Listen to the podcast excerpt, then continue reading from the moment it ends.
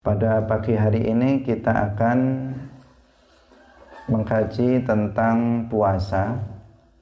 Kita akan memulai bab tentang masalah puasa. Mari kita memulainya dengan mengikhlaskan niat kita lillahi ta'ala bahwa kita hadir dalam majelis ilmu semata-mata mencari ridha Allah Subhanahu wa taala. Qala al-muallifu rahimahullahu ta'ala faslun yajibu sawmu syahri ramadana ala kulli muslimin mukallafin.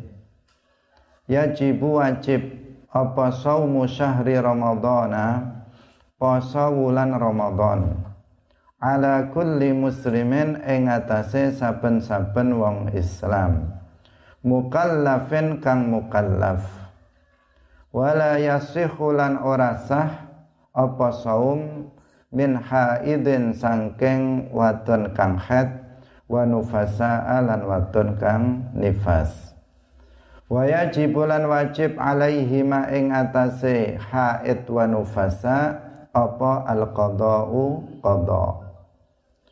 Wa yajuzu lan wenang apa al fitru mukel limusafirin ketuwe wong kang lelungan safara qasrin kelawan lelungan kosor wa illam yashukka lelungan kang menangaken kosor wa illam yashukka lan senajan ora abet apa saum alaihi uh, wa illam yashukka lan senajan ora abet alaihi ing atase musafir apa saumun poso wali maridin lan ketuwe wong kang lara wa hamilin lan wadon kang hamil wa murdiatin lan wadon kang nyusui. Ya syuku kang abad alaihim ing atase marid wa hamil wa murdiah.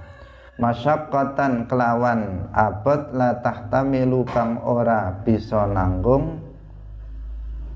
Wa la tahtamilu kang ora bisa nanggung. Al fit fitra ing uh, mukel wa yajibulan wajib alaihim ing atase kabeh apa al qada'u qada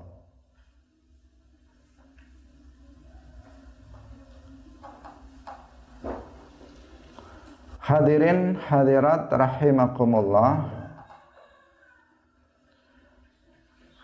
Dalam pasal ini muallif menjelaskan tentang orang yang wajib untuk melaksanakan puasa Ramadan. Dari puasa itu ada kalanya hukumnya wajib, ada kalanya hukumnya sunnah. Puasa yang wajib itu adalah puasa Ramadan, puasa pada bulan Ramadan. Sedangkan puasa yang lainnya seperti puasa hari Senin dan dan Kamis seperti puasa pada ayyamal bid misalnya 13, 14, 15 setiap bulan puasa Arafah puasa Muharram Rajab dan seterusnya itu hukumnya adalah sunnah. Puasa yang diwajibkan itu hanya Ramadan atau puasa yang dinazarkan. Misalnya seseorang bernazar jika aku nanti lulus dalam ujian maka aku akan puasa Senin dan Kamis selama tujuh kali misalnya.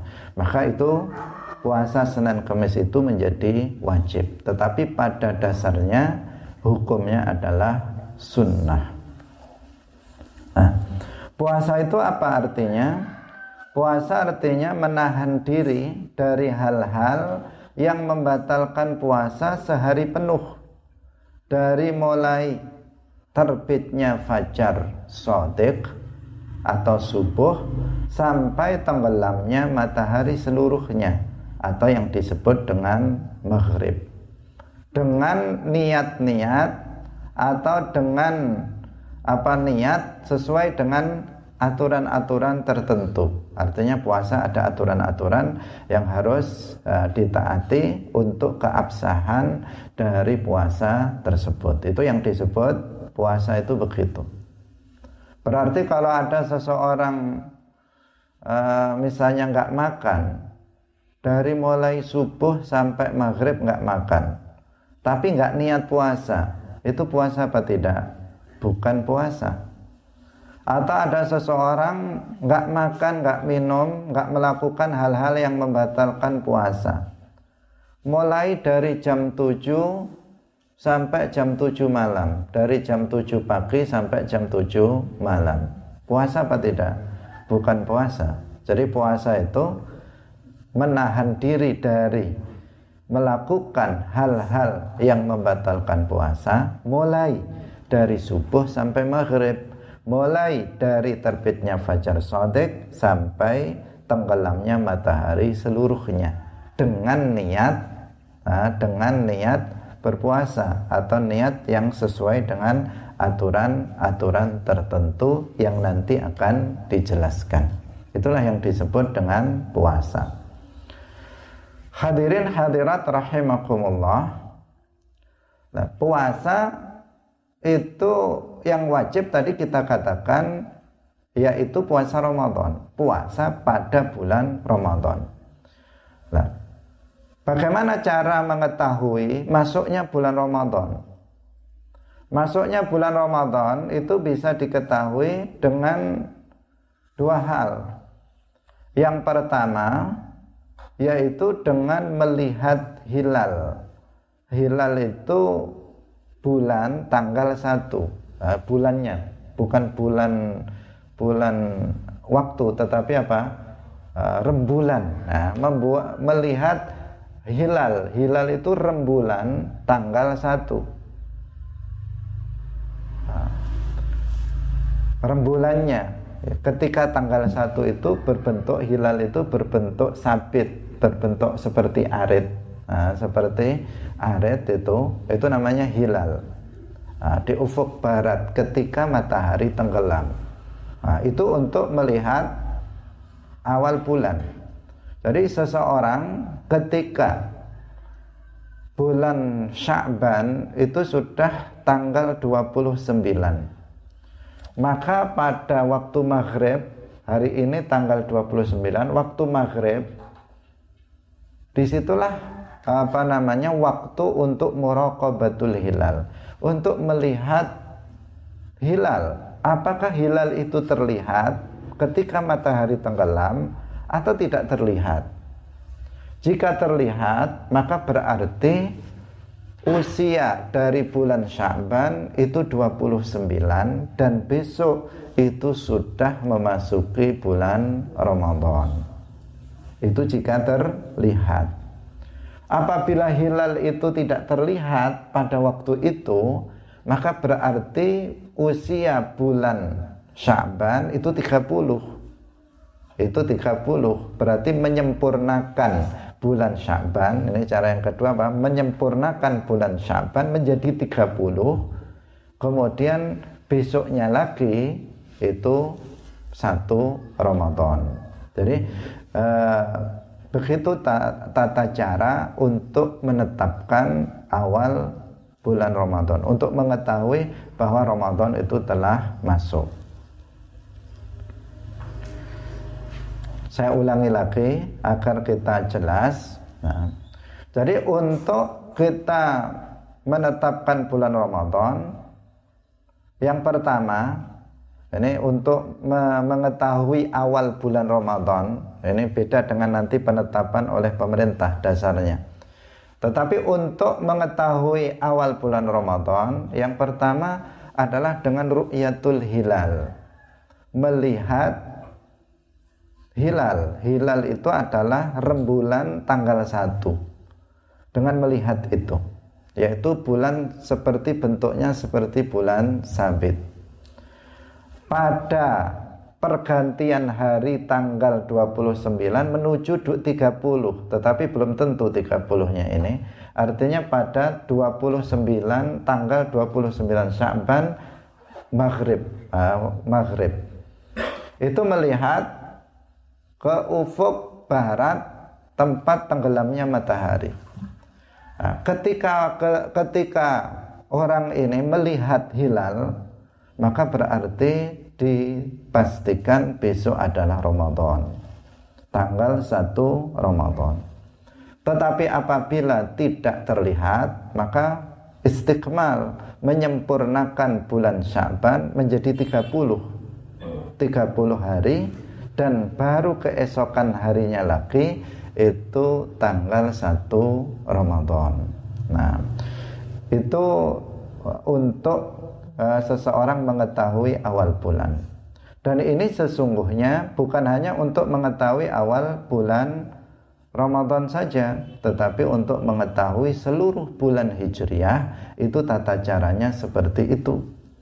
Setiap misalnya hari raya Syawal, maka juga melihat pada tanggal 29 Syawal Maghrib Nah, maghrib berarti maghrib ini kan pergantian, pergantian hari. Itu melihat jika melihat pada hilal, jika hilal itu terlihat, maka berarti besok hari raya. Jika tidak, maka berarti besok masih tanggal 30 Ramadan, besoknya lagi baru Syawal. Melihat bulan Zulqa'dah, maka dilihat tanggal 29 Syawal ketika maghrib tanggal 29 itu dilihat. Jika hilal terlihat maka berarti besok adalah bulan Dhul Qa'dah jika tidak terlihat maka berarti syawalnya 30 hari. Kemudian keesokan harinya lagi baru tanggal 1 Dhul Qa'dah begitu juga untuk melihat bulan Dhul Hijjah tanggal 29 Zulqa'dah waktu maghrib dilihat hilal. Jika hilal terlihat maka berarti besok bulan Zulqa'dah Zulhijjah. Jika kemudian tidak terlihat maka besok tanggal 30 Zulqa'dah, besoknya lagi baru tanggal 30 Zulhijjah. Begitu seterusnya sampai kemudian datang Ramadan lagi. Nah, sebagian dari umat Islam itu harus ada yang muraqabah. Ini namanya hukum fardu kifayah. Setiap bulan harus ada sebagian umat Islam yang melakukan muraqabatul hilal, mengamati hilal apakah terlihat atau tidak terlihat untuk menentukan awal bulan harus ada. Dan orang yang melakukannya berarti dia akan mendapatkan pahala yang besar. Kenapa? Karena ini hukumnya wajib. Meskipun wajibnya adalah wajib kifayah tetapi hukumnya wajib. Yang pahalanya lebih besar dari pahala melakukan amalan sunnah. Nah pahalanya lebih besar dari amalan sunnah. Jadi kalau kita melakukan muraqabah itu pahalanya lebih besar daripada kita misalnya sholat sunnah atau puasa sunnah dan seterusnya. Karena itu kita hendaknya berusaha untuk bisa muraqat batul hilal setiap bulan yaitu tanggal 29 uh, melihat pergantian hari pada waktu maghrib itu. Hadirin hadirat rahimakumullah. Karena peran ini itu sedikit orang yang mau. Rata-rata banyak orang itu, kebanyakan orang melakukan muraqabatul hilal hanya saat menjelang Ramadan atau saat menjelang Syawal. Setelah itu jarang orang yang melakukan muraqabatul hilal. Padahal muraqabatul hilal itu fardu kifayah setiap bulan. Karena di sini setiap bulan itu kan ada puasa. Setiap bulan kan ada puasa, puasa sunnah. Misalnya ayamul bid, puasa tanggal 13, 14, 15. Itu kalau nggak tahu tanggal 1 bulan, misalnya pada bulan ini, bulan apa ini? Rabiul Awal. Kalau nggak tahu tanggal 1 Rabiul Awal, bagaimana dia menentukan tanggal 13? Nah, kan bisa keliru nanti. Nah, karena itulah maka setiap bulan harus ada orang yang melakukan muraqabatul hilal. Hadirin hadirat rahimakumullah. Kemudian yang berikutnya, bulan Ramadan ditetapkan berdasarkan kesaksian satu orang laki-laki yang adil. Ini maksudnya adalah untuk isbat, penentuan oleh pemerintah. Nah, pemerintah ini mau menentukan besok Ramadan, hari ini Ramadan, misalnya, hari ini Syawal dan seterusnya. Itu dasarnya apa? Pemerintah menetapkan itu. Jawabannya adalah berdasarkan kesaksian satu orang laki-laki yang adil. Jadi berdasarkan kesaksian ada satu orang laki-laki yang adil. Adil di sini artinya secara zahir, secara zahir dia melaksanakan sholat, dia berpuasa. Pokoknya secara zahir dia itu orang yang mengamalkan syariat Islam. Ini berarti ini orang yang adil. Nah, ada seorang laki-laki adil memberitahu kepada pemerintah mengatakan saya telah melihat hilal. Saya telah melihat hilal. Maka berdasarkan persaksian ini pemerintah menetapkan bahwa besok itu adalah Ramadan. Tetapi apabila misalnya yang melaporkan itu adalah perempuan, ada seorang perempuan datang mengatakan saya melihat hilal.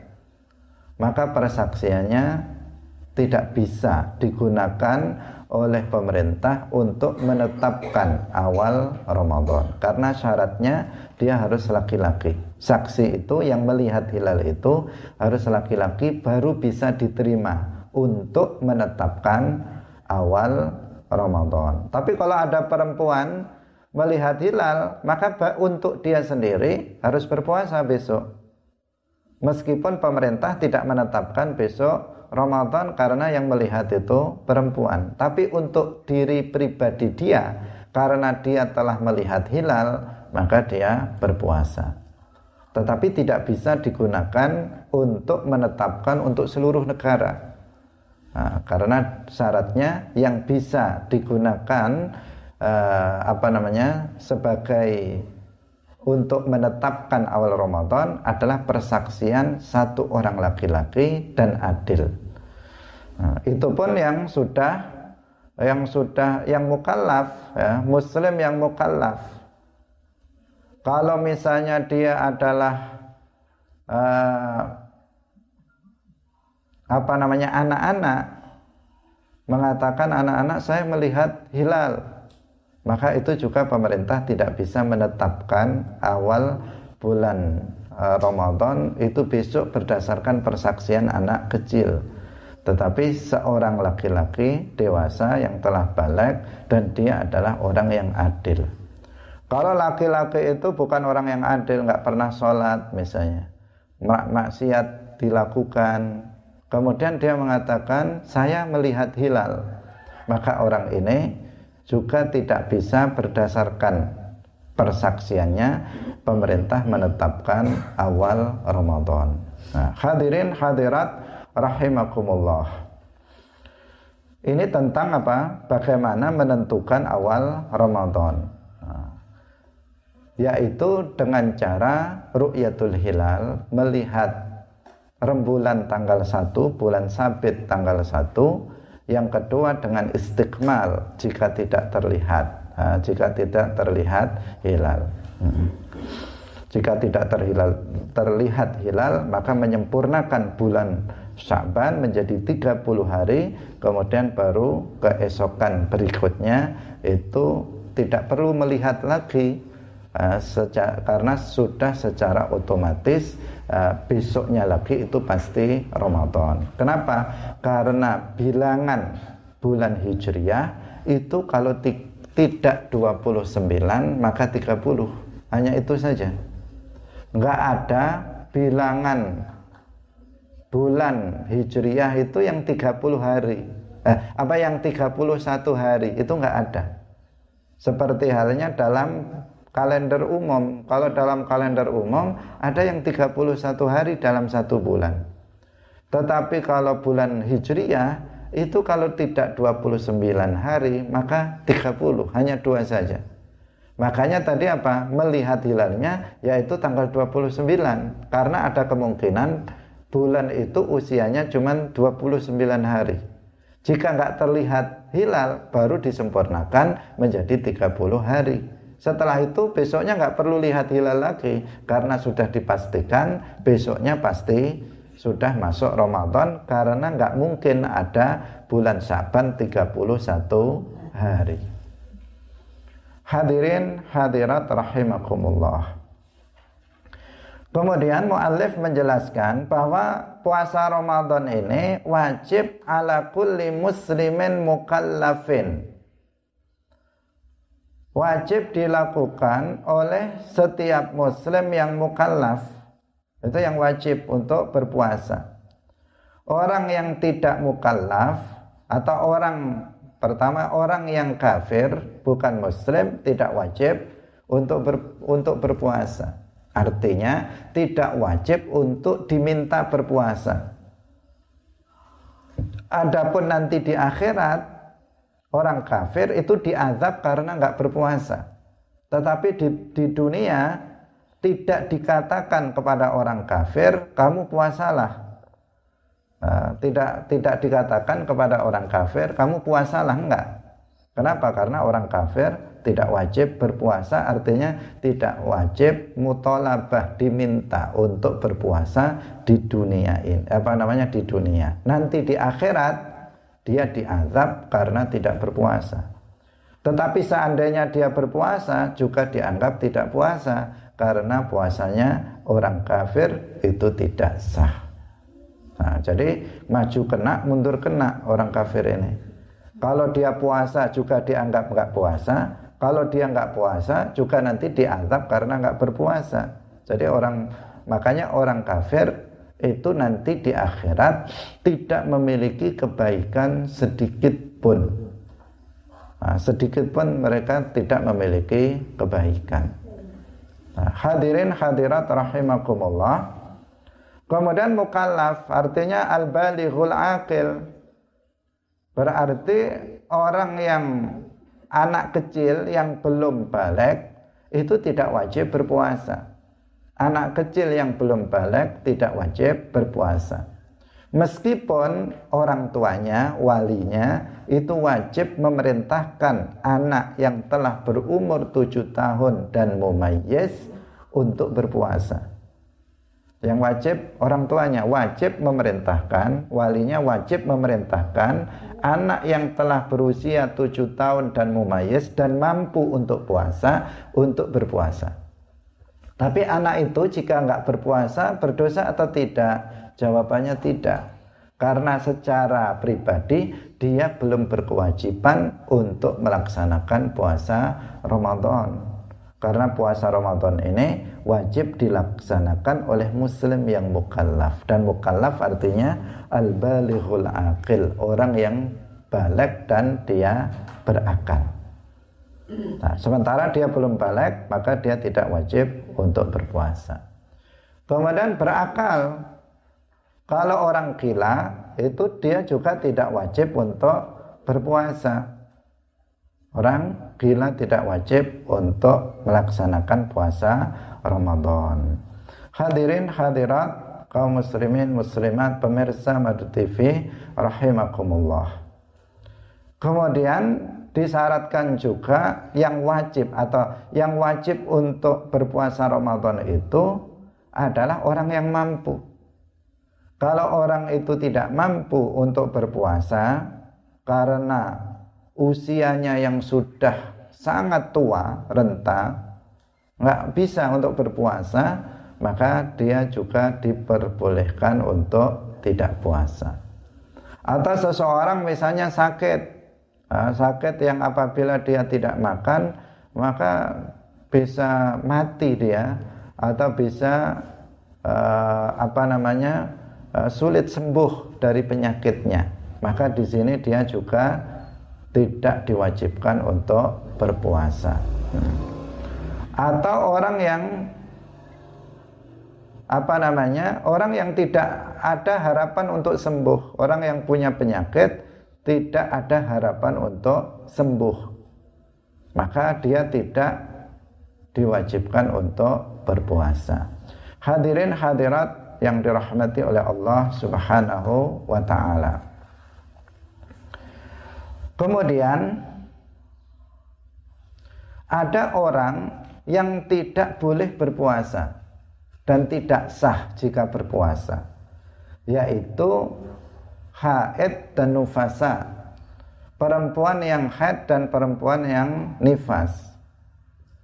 Ini justru haram. Apabila dia melakukan puasa hukumnya haram. Justru dia berdosa. Kalau nggak berpuasa nggak apa-apa. Kalau dia berpuasa justru dia berdosa yaitu perempuan yang haid dan nifas karena itulah maka perempuan yang haid dan nifas itu tidak boleh dia untuk berpuasa meskipun nanti setelah uh, hari raya dia harus mengkodok puasa yang telah ditinggalkannya karena haid dan nifas. Berbeda dengan sholatnya. Seorang perempuan yang haid dan nifas, dia juga haram untuk sholat. Tetapi setelah berhenti darah haidnya, dia tidak wajib untuk mengkodok sholatnya. Tetapi jika itu adalah puasa, dia nggak boleh puasa dan nanti setelah hari raya dia harus mengkodok apa namanya puasanya tersebut. Nah, hadirin rahimakumullah. Kemudian ada juga orang-orang yang boleh untuk tidak berpuasa.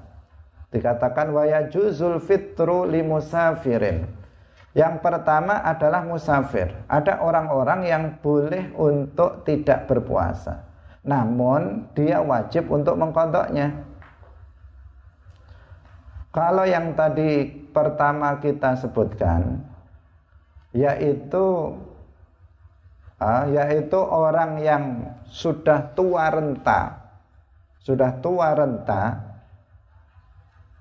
sudah sangat tua, itu dia tidak wajib berpuasa dan tidak wajib untuk mengkodok. Dia hanya membayar fidyah sebagai ganti dari puasanya.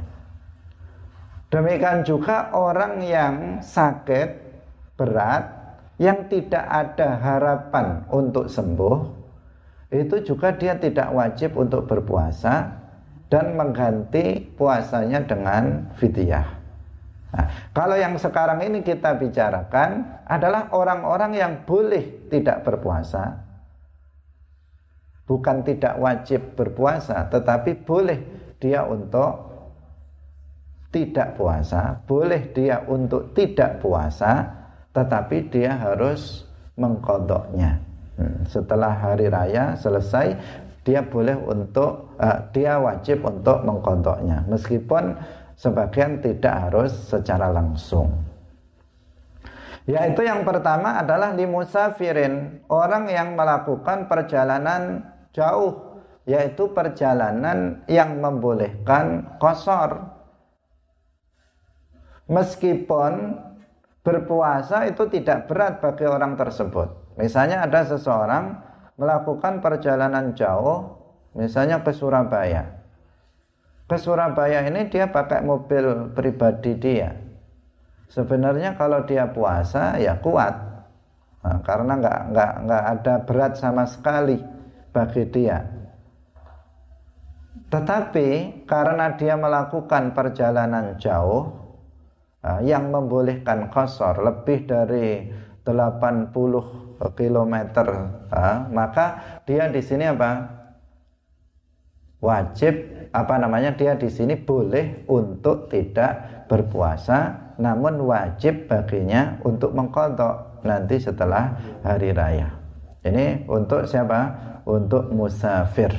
Nah, yaitu safar safar kosrin perjalanan yang membolehkan kosor. Tentang ukurannya telah kita jelaskan sebelumnya kalau diukur kilometer maka berbeda-beda Nah, berbeda-beda antara uh, sebagian ulama dengan ulama yang lain. Hadirin hadirat yang dirahmati oleh Allah Subhanahu wa taala. Kapan seorang musafir itu boleh untuk tidak berpuasa? Yaitu apabila orang musafir itu telah meninggalkan balatnya, telah meninggalkan daerahnya setelah atau sebelum subuh. Jadi dia sudah meninggalkan umronul balad se sebelum subuh.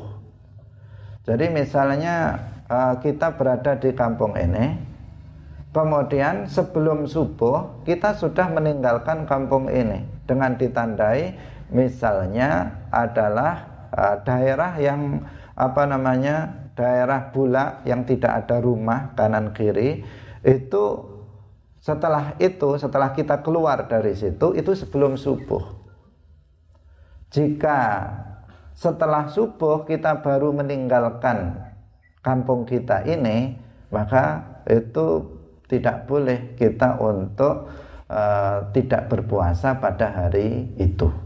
Jadi misalnya saya berangkat ke Surabaya sebelum subuh tadi. Misalnya jam 3 sudah mengeluar sudah keluar dari uh, daerah ini, maka hari ini saya boleh untuk tidak berpuasa. Tetapi jika baru setelah pengajian ini misalnya jam 6 saya baru berangkat ke Surabaya. Maka pada hari ini saya harus berpuasa sampai maghrib. Jika nanti saya di Surabaya sampai besok, maka besok saya boleh untuk tidak berpuasa uh, ketika di Surabaya uh, itu saya boleh untuk tidak puasa. Karena saya telah meninggalkan kampung saya sebelum uh, berarti kan untuk besoknya kan sebelum apa? Sebelum subuh sudah berada di di perjalanan. Hadirin hadirat rahimakumullah ini yang penting untuk diperhatikan. Karena ada sebagian orang yang tidak memahami ini. Begitu seseorang sudah berniat besok mau pergi ke Surabaya besok mau pergi ke Jakarta tetapi berangkatnya jam 7 pagi itu dia malamnya sudah nggak sahur dia sudah berniat sudah nggak niat puasa. Ini adalah kekeliruan. Itu keliru yang seperti itu kalau dia meninggalkan rumahnya setelah subuh maka dia harus berpuasa hari itu sampai sempurna kalau dia ingin besok tidak berpuasa maka sebelum subuh dia harus keluar dari daerahnya. Entah nanti mampir di mana, yang penting dia harus keluar dari balatnya. Nah, setelah itu mau nunggu terang dulu misalnya, uh, itu tidak masalah. Yang penting dia harus sudah keluar dari balatnya. Hadirin hadirat yang dirahmati oleh Allah Subhanahu wa taala. Nah, meskipun tadi kita katakan perjalanan itu tidak berat bagi dia untuk puasa, meskipun dia kuat untuk puasa itu, kalaupun dia tidak puasa itu tetap diperbolehkan. Kemudian yang kedua, orang yang boleh untuk tidak berpuasa, tetapi dia wajib untuk mengkodoknya adalah orang yang sakit. Uh, sakit ini ada ketentuannya yaitu sakit apabila dia berpuasa maka itu berat bagi bagi orang itu artinya bukan penyakit yang ringan bukan penyakit panu bukan. Atau penyakit kulit. Atau punya penyakit apa namanya flu biasa. Atau penyakit misalnya batuk biasa. Enggak. Tetapi Eh, penyakit yang apabila dia gunakan untuk puasa maka itu berat bagi dirinya. Misalnya dia menjadi mati misalnya. Atau dia menjadi apa namanya lemes tidak berdaya eh, bisa pingsan atau dia bisa penyakitnya tambah berat dan seterusnya ini berarti penyakit yang membuat dia masyakoh berat untuk melaksanakan puasa. Baru orang yang sakit seperti ini boleh untuk tidak puasa. Berbeda halnya tadi dengan orang musafir. Orang musafir tadi dia melakukan perjalanan jauh. Jika itu eh, atau meskipun itu tidak ada masakoh untuk berpuasa, dia nggak ada masalah jika berpuasa, itu tetap dia boleh untuk tidak puasa. Tapi kalau untuk yang sakit, itu syaratnya sakit yang membuat ya atau yang ada masakohnya, eh, yang berat bagi dia untuk berpuasa. Itu baru apa? Baru dibolehkan untuk tidak berpuasa. Nah, karena sakit itu macam-macam. Ada sakit ringan saja, ada sakit yang berat, ada sakit yang tidak berpengaruh sama sekali dia puasa atau tidak berpuasa. Tetapi ada sakit yang berpengaruh, yang dia harus harus apa namanya harus harus makan. Kalau nggak makan nanti bisa membahayakan dirinya. Nah, hadirin hadirat rahimakumullah. Kemudian yang ketiga adalah perempuan yang hamil. Yaitu apabila berpuasa itu berat bagi orang tersebut. Jadi untuk orang yang hamil itu juga boleh untuk tidak berpuasa apabila apa? Apabila berpuasa baginya itu adalah berat. Misalnya bisa membahayakan kesehatan dirinya. Dia bisa uh, mati, dia bisa pingsan, dia bisa uh, sakit dengan sebab berpuasa. Ini perempuan yang hamil seperti itu boleh untuk tidak puasa. Tetapi perempuan hamil yang nggak ada masakoh kalau dia berpuasa nggak ada masalah dan itu sudah terbukti dia sehat-sehat saja tidak tidak ada masakoh pada dirinya juga tidak membahayakan janin yang ada di rahimnya. Maka perempuan seperti ini apa? Dia wajib untuk berpuasa. Ini juga perlu diingatkan lagi. Kebanyakan kaum perempuan yang hamil itu merasa kalau sudah hamil udah langsung boleh tidak berpuasa. Nggak seperti itu.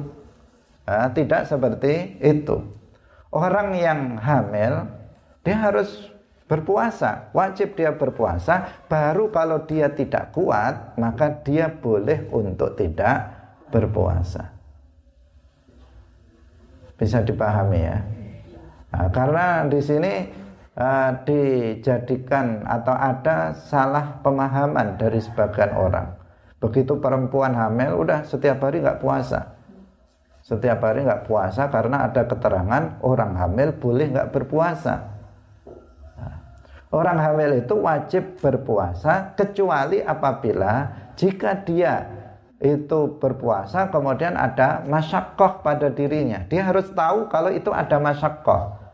Ada sesuatu yang yang berat yang menjadikan nanti kalau dia berpuasa kemudian dia akan sakit, dia janinnya akan nanti konsekuensinya berbeda ya.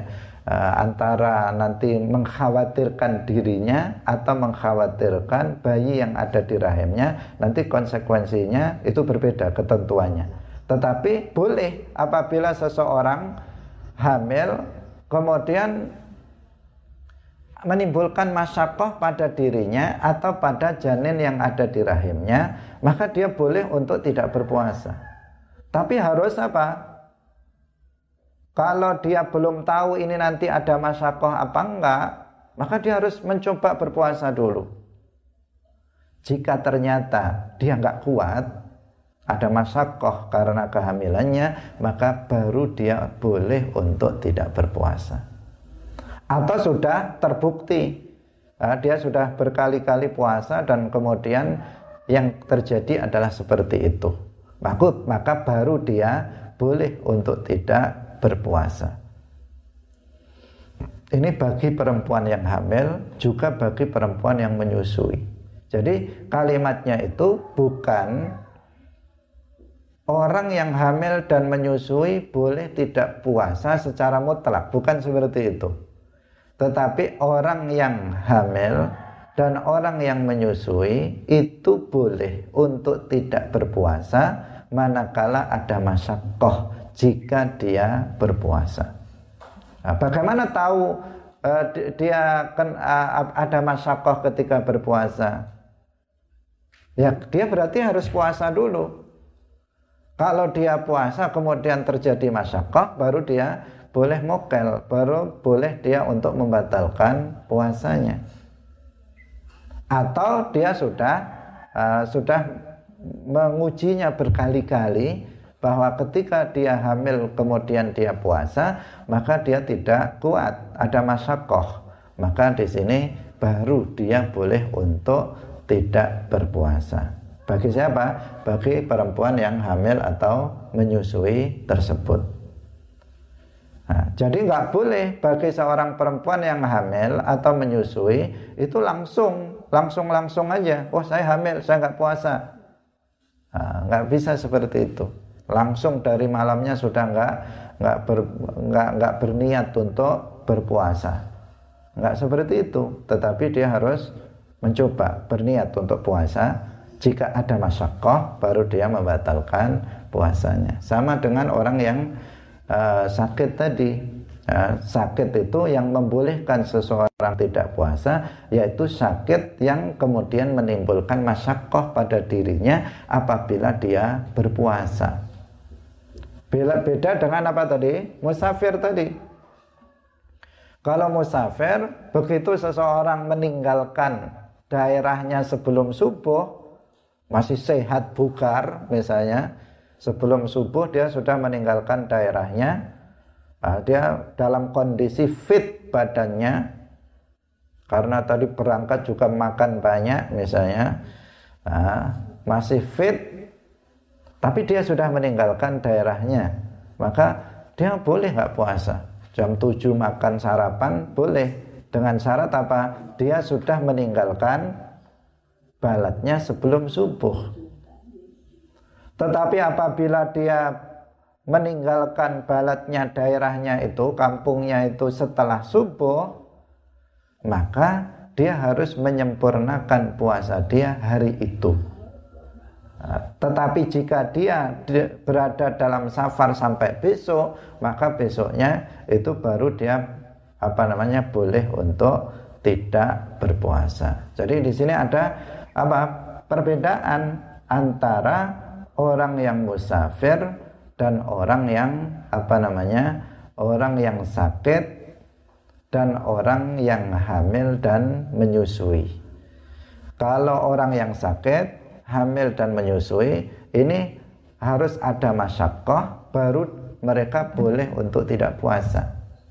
Sedangkan musafir meskipun tidak ada masyakoh dalam perjalanannya itu dalam safarnya itu boleh bagi dia untuk tidak berpuasa. Tetapi syaratnya tadi apa? Dia harus sudah keluar dari balat apa namanya sebelum subuh. Ini juga berlaku bagi orang yang misalnya bekerja keras, bekerja berat, nah, bekerja, seorang pekerja berat. Nah, yang secara zahir dia nggak bisa berpuasa. Yang pertama kalau kalau dia seperti itu hendaknya dia mencari pekerjaan kalau bulan Ramadan mencari pekerjaan kalau ada pekerjaan lain yang ringan tanpa dia apa namanya maka uh, tanpa bekerja yang berat yang menjadikannya tidak puasa hendaknya dia mencari pekerjaan yang apa namanya yang yang tidak memberatkan sehingga dia harus apa dia dia ada masakoh untuk berpuasa. Dia harus cari itu. Tetapi jika itu satu-satunya nah itu satu-satunya kalau enggak nanti dia dan keluarganya enggak bisa makan enggak ada pekerjaan lain selain itu dan pekerjaannya itu super berat yang apabila dia puasa maka ada masakoh maka di sini bagaimana? Pertama dia harus tetap berniat berpuasa. Jadi malam hari uh, kalau perlu apa? Sahurnya agak akhir. Hmm, beberapa menit sebelum subuh baru sahur, sahurnya yang banyak. Tiga piring atau apa misalnya, hanya guyan misalnya. Sahurnya yang banyak nanti kemudian siang dia bekerja dalam keadaan berpuasa. Jika ternyata kemudian dia lemas mau mati dia nggak kuat nah, maka di sini dia baru dia boleh untuk membatalkan puasanya tetapi nanti wajib dia untuk mengkodoknya. Nah, seperti itu caranya bukan kemudian apa besok saya kerja keras di sawah saya kerja berat nanti ya, jadi kuli bangunan malam sudah nggak buk nggak sahur sudah nggak niat anu pagi-pagi istrinya membuatkan sarapan. Nah ini nggak boleh seperti itu pagi-pagi istrinya sudah menyiapkan sarapan untuk suaminya yang mau bekerja. Malah dibawakan rantang untuk bontotan nanti makan uh, siang misalnya. Nah, ini masalah. Yang seperti ini nggak boleh. Nah, nggak boleh seperti itu. Nah, belum belum sudah Uh, melakukan atau sudah tidak berpuasa. Hadirin hadirat yang dirahmati oleh Allah Subhanahu wa taala.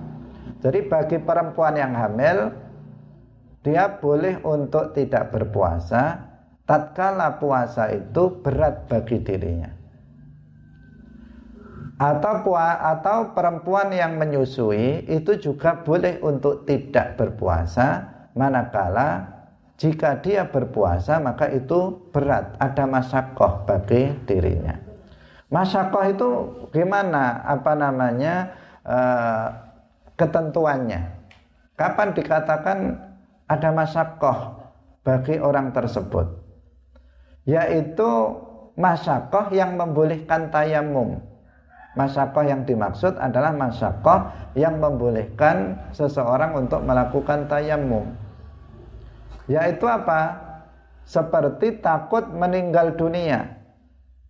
Jadi dia jika dia nggak puas, eh, jika dia puasa nanti mati, nah, mati. Itu berarti masyakoh yang membolehkan tayamum yang seperti itu. Atau misalnya badannya akan rusak, badannya akan rusak, atau penyakitnya akan bertambah lama. Itu namanya masyakoh. Nah, itu namanya masyakkah. Tetapi jika enggak seperti itu, ha, maka uh, masyakohnya tidak tidak sampai pada uh, apa masyakoh yang membolehkan tayamum sebagaimana kita contohkan tadi, maka ya tidak terbilang sebagai masyakoh yang menjadikan dia boleh untuk tidak berpuasa pada hari itu. Hadirin hadirat rahimakumullah. Nah, permasalahan ini harus betul-betul diperhatikan. Nah, harus harus betul-betul diperhatikan terutama hal-hal yang tadi menjadi poin-poin yang sering seseorang itu tidak apa namanya tidak memahaminya. Yang salah paham dengan kata lain apa? Yang salah paham. Seperti yang tadi uh, orang yang sudah tahu oh besok mau ke Jakarta. Hari ini sudah niat tidak berpuasa padahal tiketnya jam satu siang. Udah nggak berpuasa hari itu. Itu tidak benar itu tidak benar. Atau seorang perempuan yang hamil atau menyusui udah tahu dia hamil langsung dari awal ini udah kesempatan nggak puasa. Padahal dia sehat walafiat tidak ada masyakoh apabila dia tidak apabila dia berpuasa. Padahal seperti itu tetapi dia kemudian tidak berpuasa. Atau seseorang yang tadi itu yang terakhir dia sebagai pekerja berat nggak ada jalan nggak ada pekerjaan selain itu untuk mencari nafkah kemudian dari awal sudah udah besok karena kerja maka nggak puasa ini juga tidak benar. Nah, seseorang di situ harus uh, karena ada syarat apa di situ masyakoh uh, masyakoh untuk orang-orang tersebut boleh untuk apa namanya tidak berpuasa. Hadirin hadirat rahimakumullah. Jadi uh, kita tadi membicarakan orang yang wajib berpuasa, yaitu seorang muslim yang mukallaf dan dia mampu untuk berpuasa. Kemudian yang kedua, ada ada orang yang haram untuk berpuasa, yaitu perempuan yang haid dan nifas. Kemudian yang berikutnya ada orang yang boleh untuk tidak berpuasa.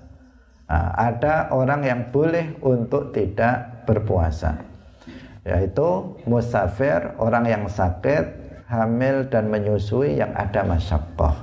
Kemudian ada lagi satu lagi orang yang tidak wajib untuk berpuasa, yaitu apa tadi?